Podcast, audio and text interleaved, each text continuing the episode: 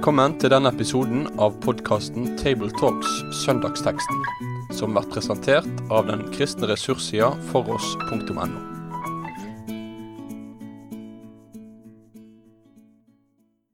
Da er det en glede å ønske velkommen til Table Talks, den første episoden her fra oss i Bergen.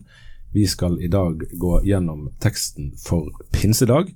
Og Vi som sitter her i studio, det er da Jon Magne Sønstadbø. Du er prest i Delk i Bergen, Norges eldste frikirkelige trossamfunn. Stemmer det. Stemmer det. Og Rolf Kjøde, de fleste kjenner deg vel som tidligere generalsekretær i Nordmisjon. Nå er du leder for eierkontakt ved NLA Høgskolen.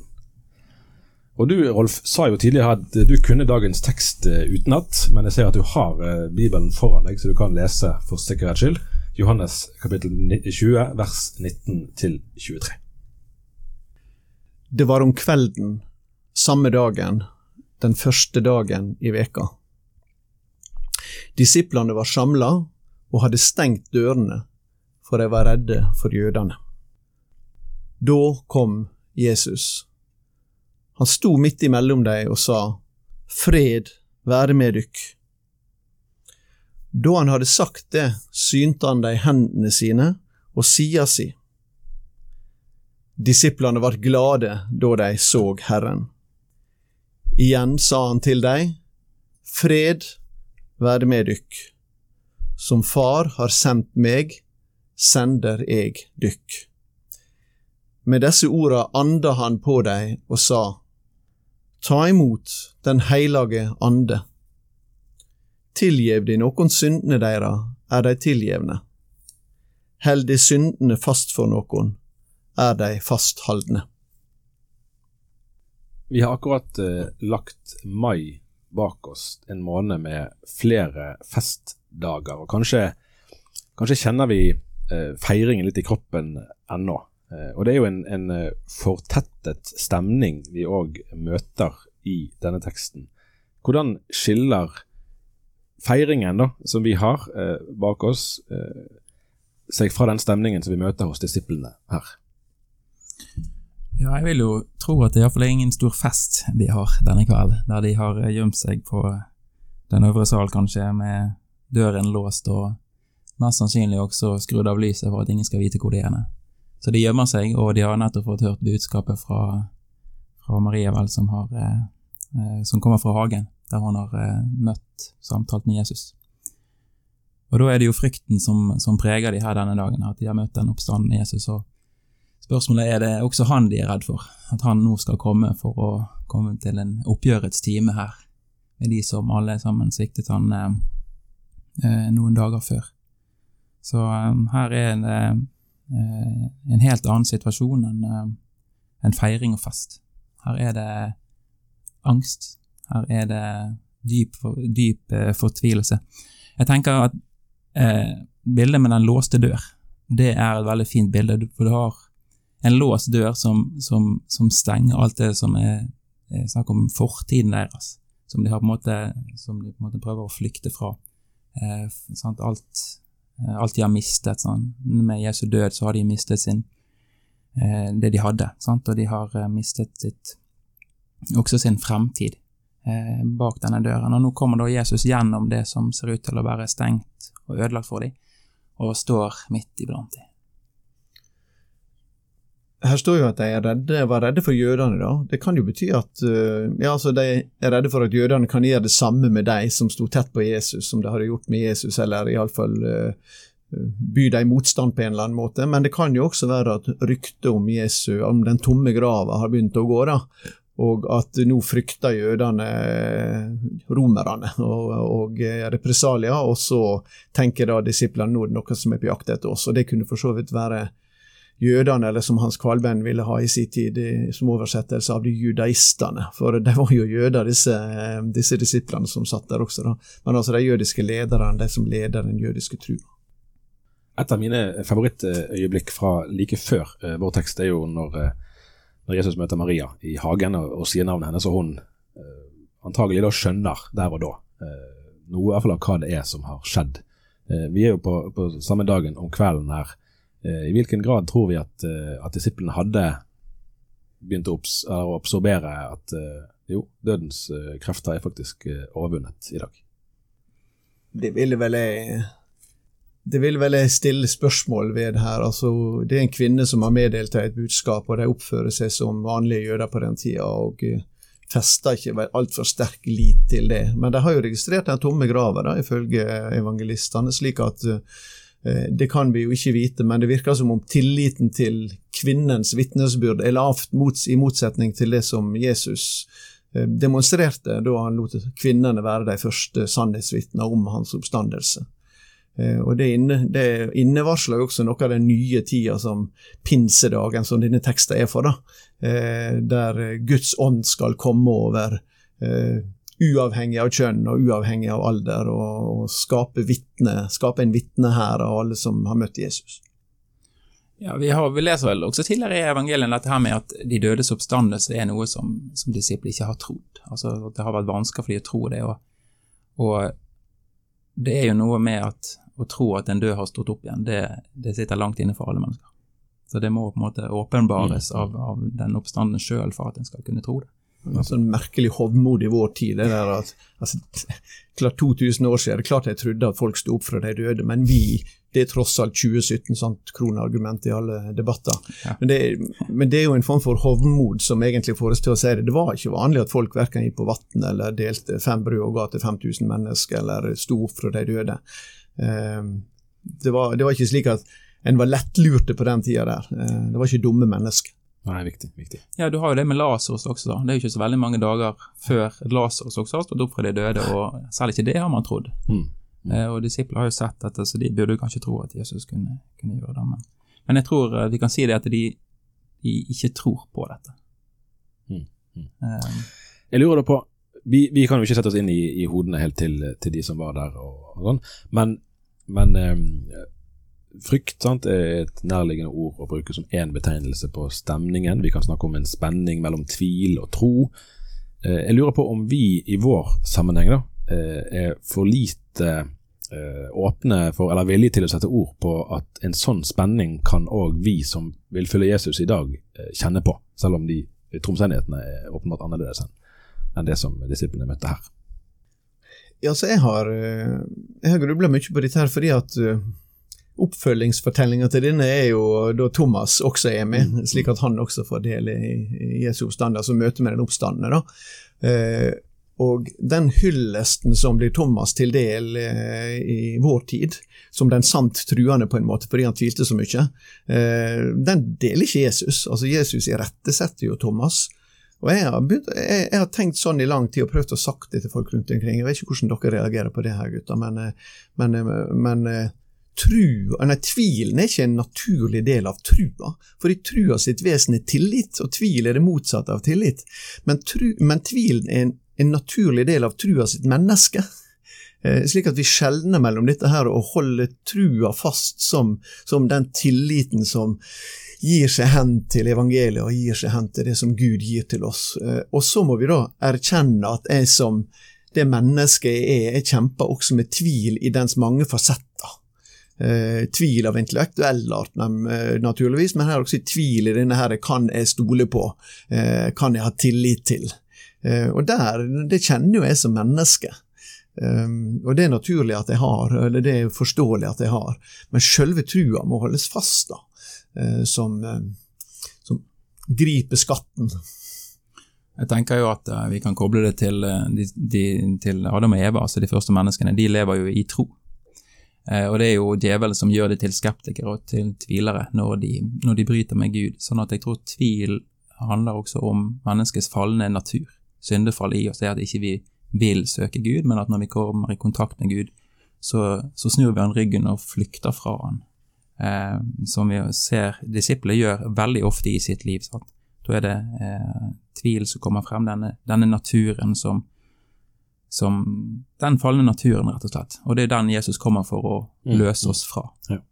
Men du lever jo av å stille kritiske spørsmål, Tarjei. Mm. Men er ikke, er ikke også tvilen en veldig viktig ting slik som vi har det som en, altså, Når vi møter mennesker og møter hverandre, så tar jeg ikke alt for god fisk, men jeg, jeg prøver å møte det også med en sunn grad av skepsis. Ja. Men det blir på en måte noe annet enn at jeg skal møte Gud med skepsis. Da. Men iallfall når vi lever på den jorda slik som den er, og slik du beskriver det også, Jon Magne, nå, med at fall er en realitet, så, så er det nødvendig også å stille kritiske spørsmål, og ikke blindt tro ethvert menneske som stiller seg fram. Og der er jo dere journalister. Eh, dere skal jo vekke den tvilen. Ja, så tror jeg det er en viktig forskjell også mellom å, å, å, å gjøre tvilen til hovedsak, sant? og nærmest å dyrke tvilen, og det å erkjenne at tvil finnes der. Sant? For det er da jeg blir litt sånn skremt noen ganger når vi, vi eh, iblant kan gi inntrykk av at, eh, at det å tvile det er noe vi helst ikke skal, eh, skal snakke om. Eh? Men at vi, at vi prøver å gjøre oss sjøl egentlig mye frommere enn en disiplene f.eks. åpenbart var. Jeg tror veldig mange kristne strever nettopp med, med denne tvilskampen i livet sitt. Mennesker som har gått i kirke og bedehus hele livet, og fremdeles må kjempe med denne tvil. Det viser noe av, av hvilke krefter vi har med å gjøre både i verden og i oss sjøl.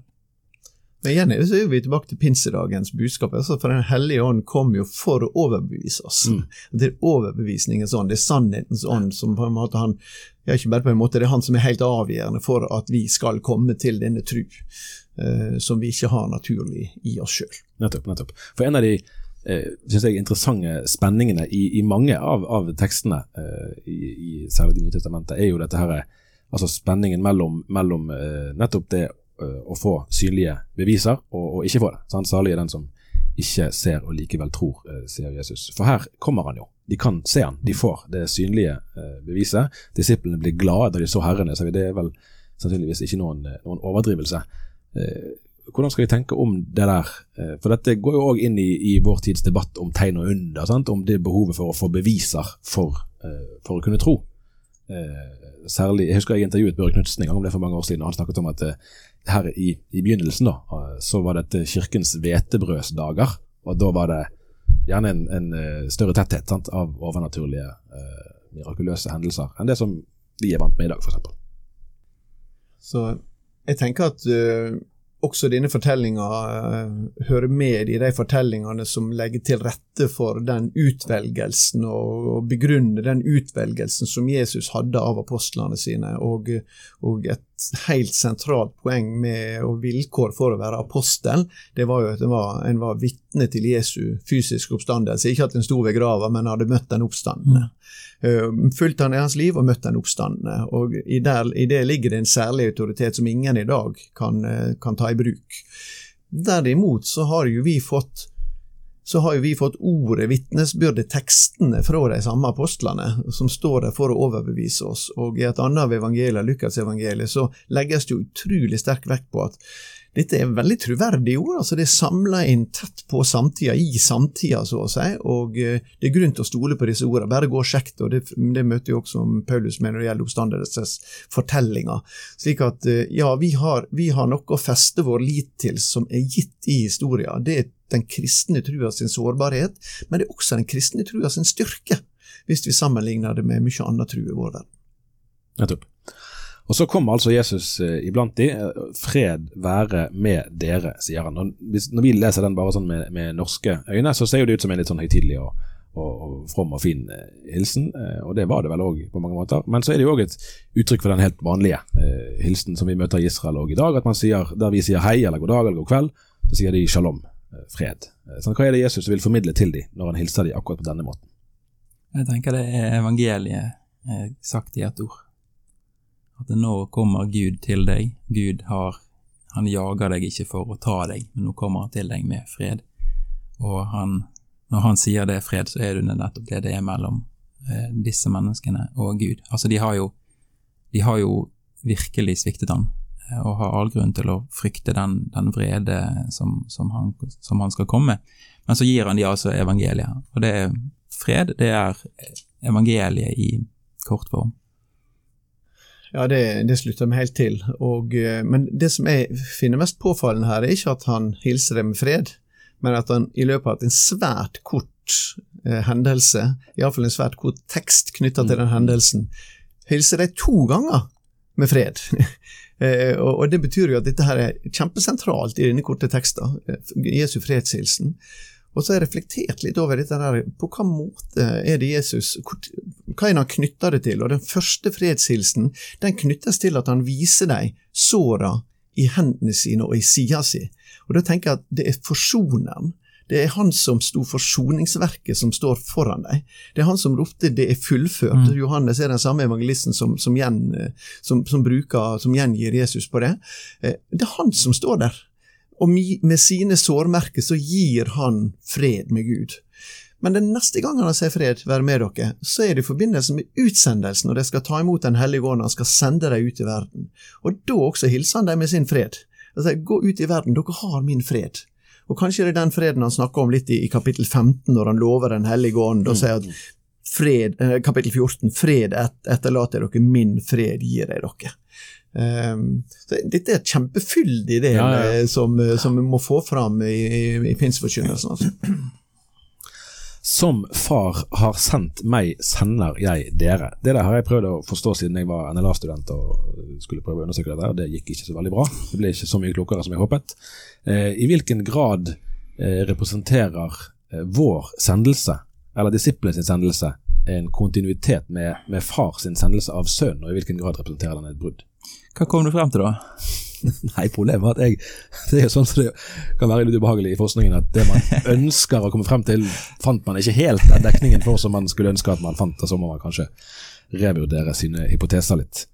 Eh, for der står jo eh, helt klart her i vår norske tekst i hvert fall, sant? som far har sendt meg, sender jeg dere. og Da er det jo nærliggende å tenke at det er en, en analogi, i det minste en videreføring av, mm. Eh, av måten Jesus blir sendt på.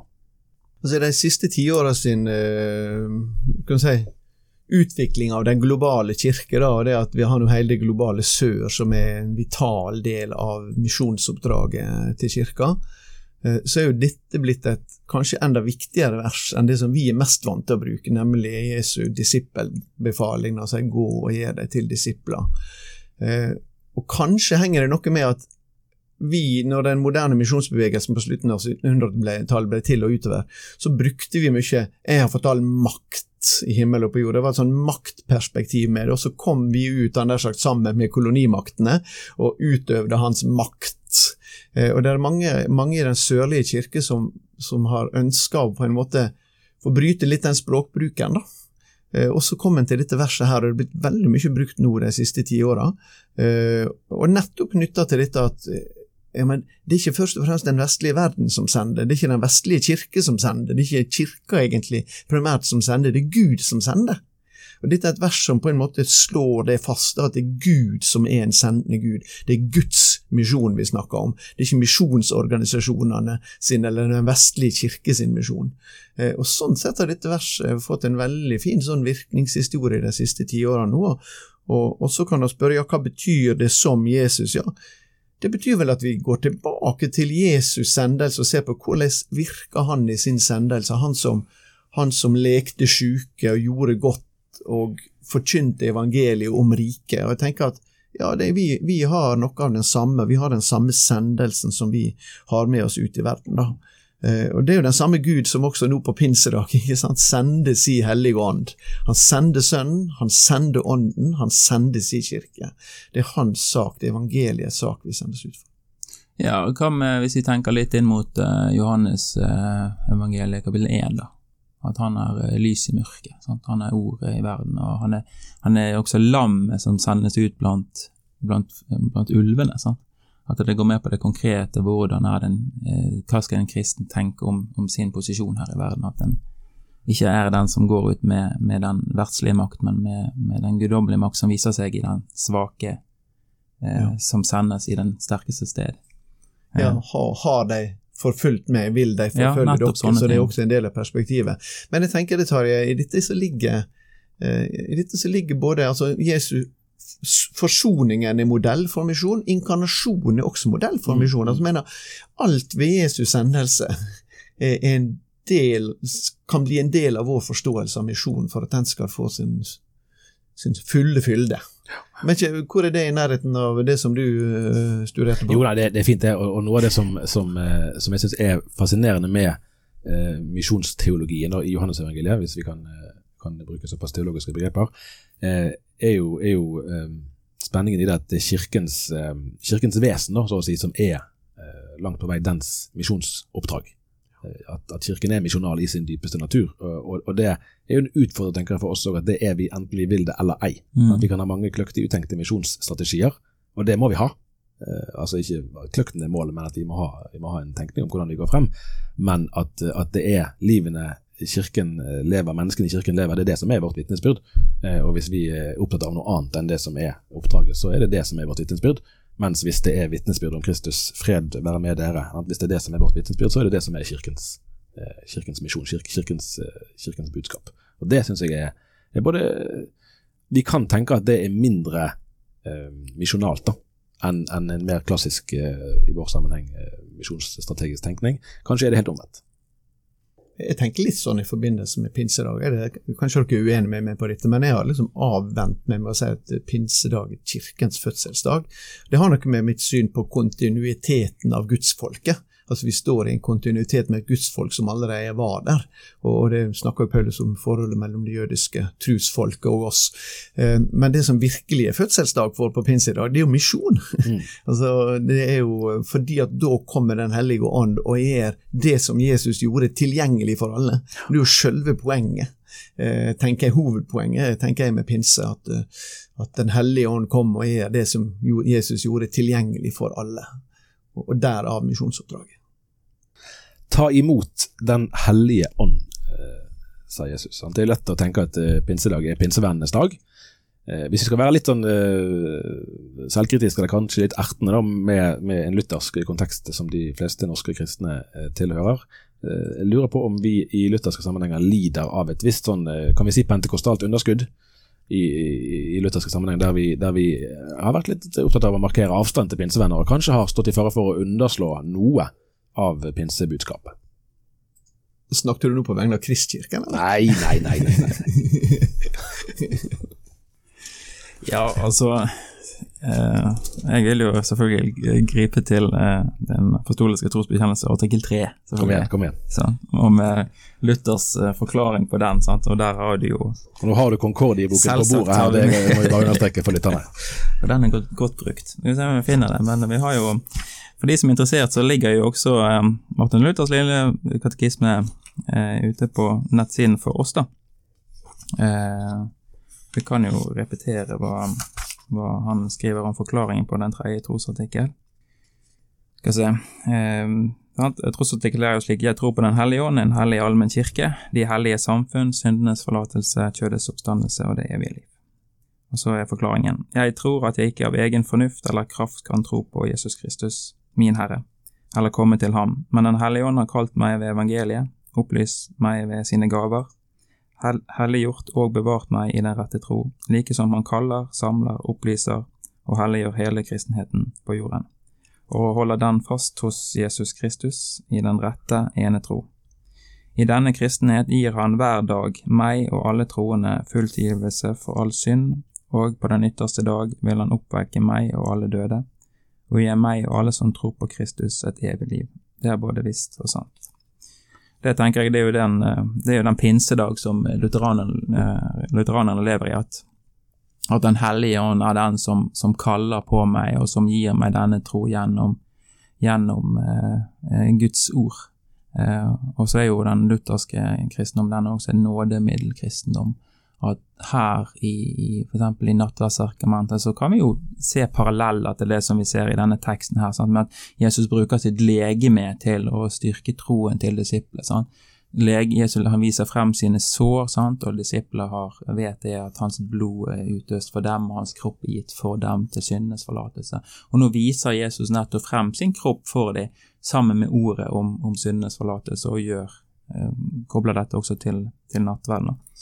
Og der ser du også Der tenker jeg, der har du liksom pinsedags eh, Eller eh, Den, den hellige ånds eh, eh markering, da, som vi har på pinsedag, at eh, den er sterkt til stede i lutherske kirker. Men du kan, tenker kanskje mer på dette med, med de med ulike tungemål? Nei, yes, nei, det gjør jeg ikke. Jeg syns bare det var gøy å spørre. Ja, det er jo Jeg ser jo blant de som er glad for at det ikke eh, heter ja, Den har ikke noe imot, men, eh, men jeg trives med legemsoppstandelse. Ja.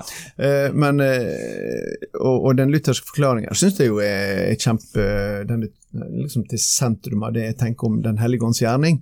Eh, og Samtidig så har vi en sånn fare Vi står i en fare i en del lutherske sammenhenger for på en måte å låse Den hellige ånd inne i, i ord og sakrament, og så slår vi to belter eh, med harde beltespenn rundt det. Eh, og, og glemme at ånden også Altså, ånden er fri. Eh, og eh, jeg tenker at Guds ånd er der også før. Guds ånd er jo i verden, i Han er det vi lever og rører oss til. Han er der før, før evangeliet kommer og forbereder menneskets hjerte. Og han får gjøre de inngrep som han vil. og eh, i noen lutherske sammenhenger så har det nok vært et underskudd på det, i frykt for at vi skulle liksom komme vekk fra det sentrale. Så har vi vært for redd for å åpne for åpne for eh, åndens uberegnelighet, så å si.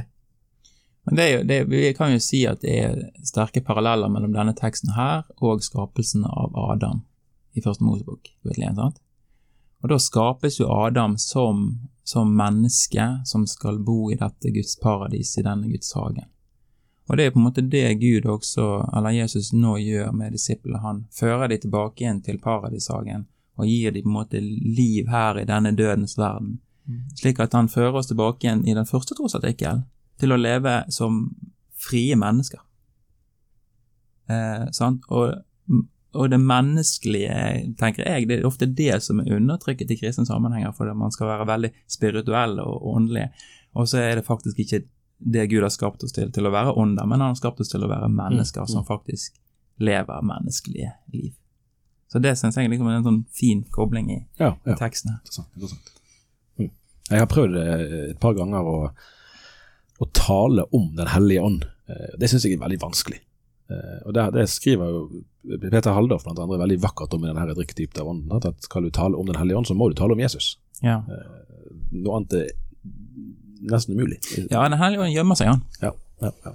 Han eh, går stille i dørene. Det er som å snakke om trua, det. Ja. Mm. det han fikk jo vite det Ole Valen Senstad en gang, ja. og han sa det som prest at eh, 'jeg skal ut og tale om troen', sa han til en lekmann. Og så sier lekmannen til han 'Pre Kristus, du, så kjem truen av seg sjøl'. Det, det var godt sagt. Det var godt sagt. Du, Da kommer vi til uh, siste vers i teksten. og Dette er jo på en måte et av de mest interessante, på den måten at, at dette er ikke noe vi gjerne snakker så ofte om som vi burde. Skriftemål. Uh, vi har 500-årsjubileum for reformasjonen. Det kommer vi til å si sikkert mange ganger i løpet av dette året. Vi har kanskje gjort det allerede. Og, og noe av det som er, interessant, er jo å vurdere hvor lutherske vi egentlig er, og for så vidt hvor lutherske vi ønsker å være. Eh, her kan vi spørre om vi egentlig burde bli, bli litt, eh, prøve å bli litt mer som Luther når det gjelder vurderingen av eh, skriftemålets eh, plass i våre eh, kristne liv. Ja, jeg tenker at dette her ikke har så veldig mye med skriftemål å gjøre direkte. Jeg tenker dette er forkynnelse. Dette er sendelsens budskap. Det er nøkkelmakten. fordi at eh, nøkkelmakten den, den, bruker vi både fra prekestolen, og vi bruker den eh, mellom enkeltmennesker. Men jeg tenker at det, dette, her, dette, budskapet her, det er det en forkynner som stiller seg frem på en prekestol. Det er det han skal si til de som sitter der. For de som sitter i, i, i kirkebenken eller på, i, på bedehusstolen, de trenger å høre dette budskapet om at dine synder er deg forlatt. De trenger å bli løst fra, fra, fra de synder som plager dem. Og det er nettopp, Jeg er veldig glad i denne teksten her, nettopp av det at Jesus gir oss dette klare, konkrete ordet om hva er det dere skal gjøre. Dere skal løse mennesker fra deres synder. Um, og det er en forkynners oppgave. Og Da er spørsmålet tør en å si det. Altså det, det å stå på en prekestol og, og, si til et menneske, eller si til de som hører på nå, Dine synder er deg forlatt. Der personen sitter nå. Vi har ingen makt over det, men Jesus sier til oss jo, gi det til dette mennesket. Sant? Og Så skriver jo Martin Luther også i, i forklaringen til skriftemål om hvem er det som, som trenger dette. Jo, det er jo den som, som, som søker syndens forlatelse. Sant? Den som lytter på det, fordi at en trenger dette ordet. For er det ikke derfor vi også kommer til Kristus, fordi at vi har hørt at han har dette ordet å gi til oss. For hvem tør å søke Gud hvis ikke vi allerede har hørt at han, har, at han vil tilgi syndene våre? Og når, når, vi forkynner dette budskapet, så tør kanskje mennesker også komme til oss, for det er nettopp det de trenger å høre. Jeg tror, dette, jeg tror, at dette, verset forklarer sendelsene våre, forklarer misjonen. Det, det, det, sier hvor spissen i misjonen skal være. Misjon kan jo være mange ting. For oss som har vært aktive i internasjonal misjon, så ser vi at misjon også har en holisme, men du må aldri glemme at spissen i misjon det er at mennesker skal bringes inn i et sant og rett forhold til Gud, og at det skjer gjennom syndenes forlatelse. Eh, så vil jeg vel si at uh, ordene sånn som de står her, de, de handler da primært om meddelelsen av evangeliet, og ifølge eh, vår lutherske arv, men også for så vidt utenfor den, så, så, hører den til, men ikke sterkest kanskje i vår lutherske arv, så hører den til forkynnelsen av ordet, enten du er i det offentlige rommet, slik som Jon Magne sier, som jeg identifiserer dem helt og fullt med, la oss våge å forkynne evangeliet på den måten, men så gjelder det også naturligvis i det enerommet. slik at vi tar som, fordi at vi har ikke sakramentet, nei, skriftemålet som et eget sakrament, fordi at vi forstår det som en, som en, en anvendelse av, av meddelelsen av evangeliet i forkynnelsen, men vi bare tar det inn i rommet med konfidenten og meddeler det der. Og der også må vi våge det, sånn at ikke sjelesorgen bare blir en sånn her eh, variant av psykoterapi. Eh, men vi må våge at sjelesorgen, den kristne sjelesorgen faktisk meddeler mennesket eh, syndenes forlatelse, og noen ganger også må si til mennesket at hvis ikke du vil vende om, hvis ikke du vil vende deg bort fra det så har jeg ingen tilgivelse, har jeg mm. ingen syndsforlatelse å komme med. For det sier også Jesus i dette verset her. Eh, og det er den sida hører også med i dette, tenker jeg. Ikke minst da i sjelesorgens rom. At vi tar tilbake sjelesorgen sin genuine evangelieformidling, og også da fastholdelsesside. Eh, Lider vi under denne tradisjonelle vandringen fra grøft til grøft nå, med at, eh, at det har blitt eh, så mye tale om synd i vårt eh, kristne Norge gjennom mange år at i dag så tør vi nesten ikke snakke om det i det hele tatt, og dermed at, at denne teksten her er ekstra aktuell av den grunn. Nå er jo dere atskillige år yngre enn meg, men jeg er litt usikker på om det gjelder deres generasjon. For det kan godt hende det gjaldt min generasjon og mine søsken som nå er oppe i 60-åra. Men jeg tviler veldig sterkt på at generasjonene under 50 år i Norge har hørt for mye om synd. Ja, jeg tenker mer på at vi nesten ikke hører om det i det hele tatt, fordi det er en mm. konsekvens av forrige ja, generasjoners ja. tale. Da. Jeg tenker ofte så blander man sammen synd og moral. Ja. Eh, det handler om disse her levereglene. Ja. Om at du skal ikke strikke på søndagen, eller du skal mm. ikke ja. se på et fiskesnøre.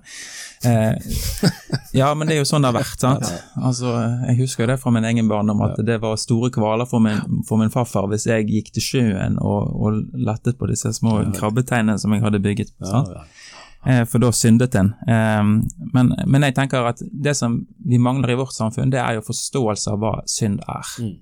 For synd er ikke disse her ytre småsyndene eller disse tabusyndene som, som gjerne gir mennesket dårlig samvittighet, men synd er den dype tvil til Gud som, er, som sitter i oss. Altså Det er det første bud. Det er det som er problemet vårt. Ja.